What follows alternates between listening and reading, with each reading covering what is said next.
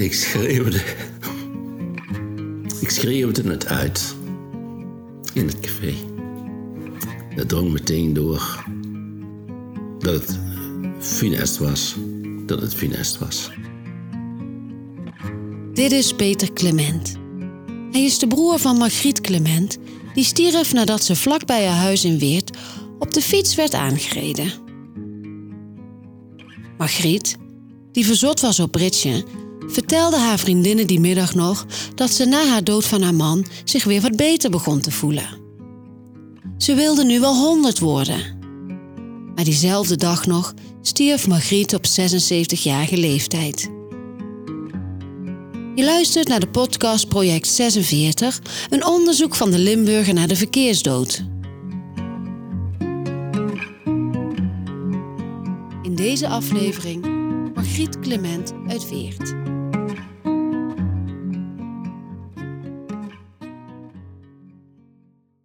Ze zegt het die zaterdagmiddag 31 maart nog tegen haar vriendinnen.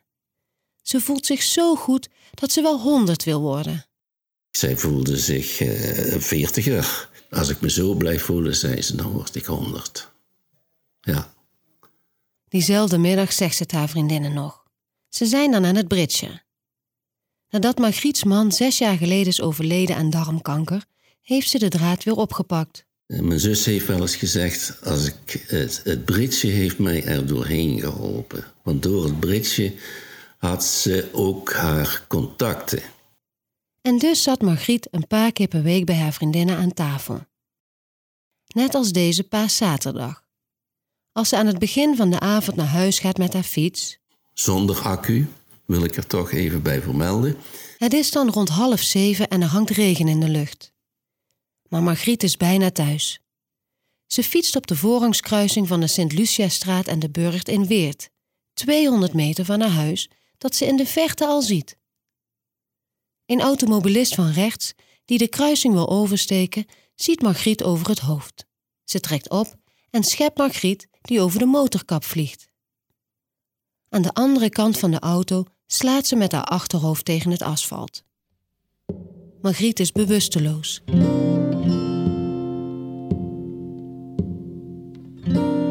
Traumahelikopter brengt haar, niet veel later, naar een ziekenhuis in Nijmegen. Ze heeft zwaar hersenletsel en komt niet meer bij.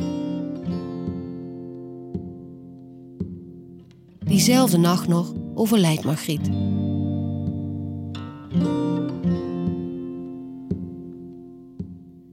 Die middag is het mooi weer.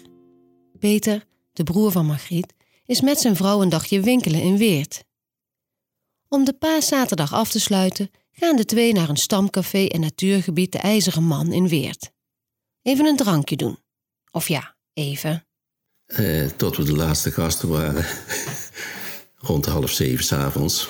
En daar kreeg ik een telefoontje van mijn neef, dus de zoon van mijn zus. Die was op de plek van het ongeval. En uh, ja, die vertelde de toedracht.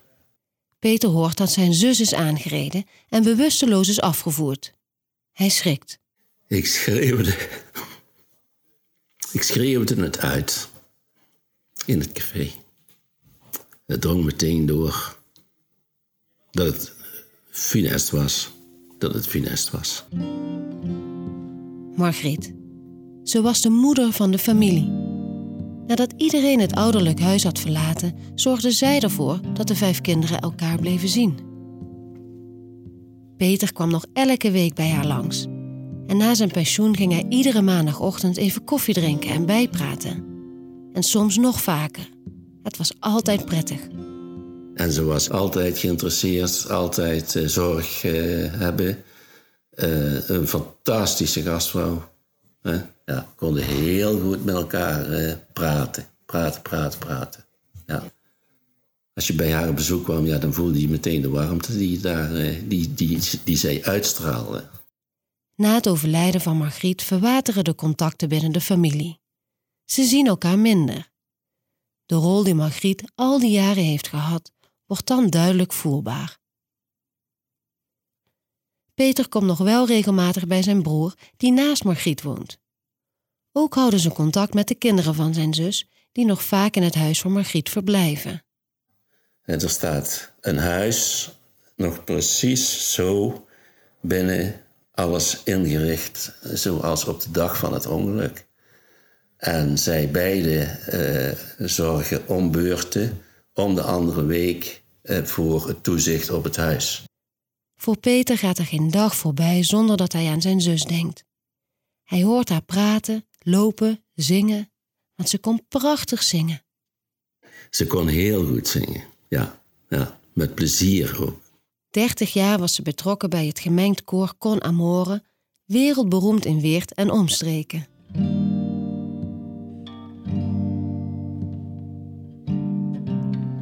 Na het ongeluk maakt Peter zich boos over de berichtgeving op de website van de Limburger. Er staan onjuistheden in, zoals over de rijrichting van zijn zus. En daar stonden toch een paar, een paar blunders in. Maar daar heb ik, ik maakte me daar boos over, pakte meteen de telefoon.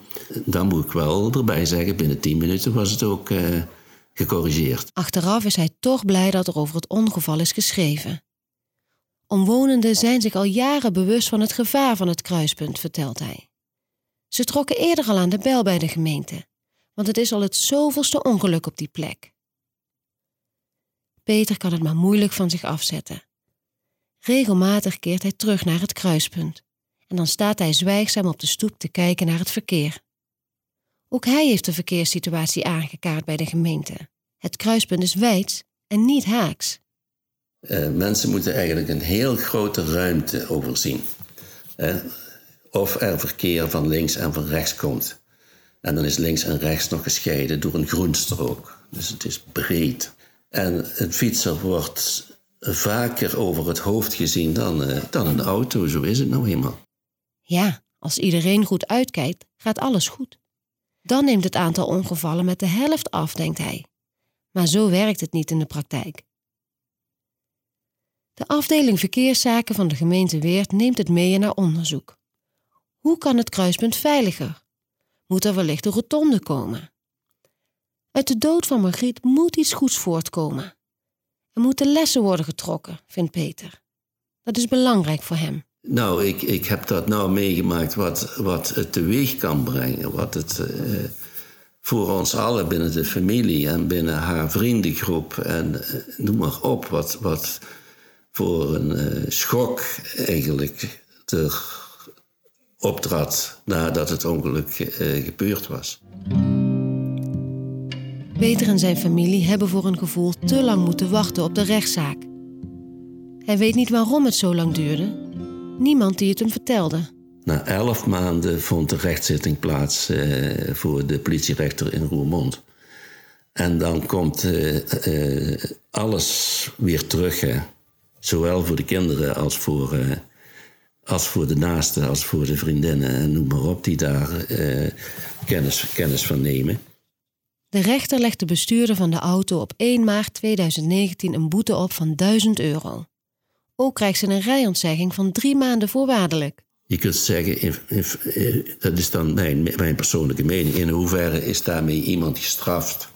Want in feite is het zo, iemand veroorzaakt een ongeval, mankeert zelf helemaal niets, want is vrij beschermd in de auto. En er is een fietser, vrij onbeschermd, het slachtoffer en overlijdt. Dat voelt niet eerlijk. She left you alone for three days. What on earth were you gonna do? Je hoorde een aflevering van de podcast Project 46, een onderzoek naar de impact van de verkeersdood, gemaakt door de Limburger. De muziek die je hoort is van Pablo en Luca van der Poel.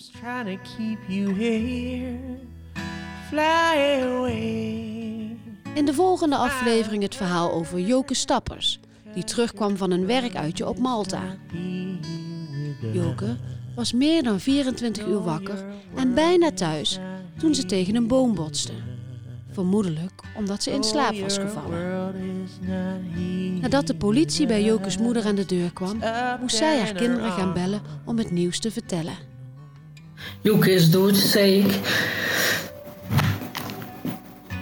En meer komt er niet uit.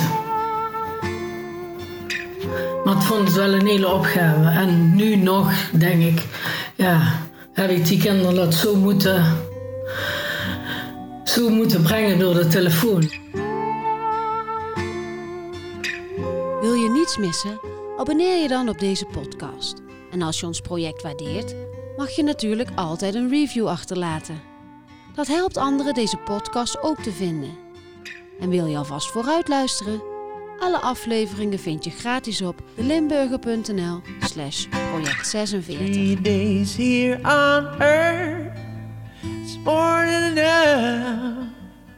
to know this is not what you want. Now without her, go tell her, let the storm take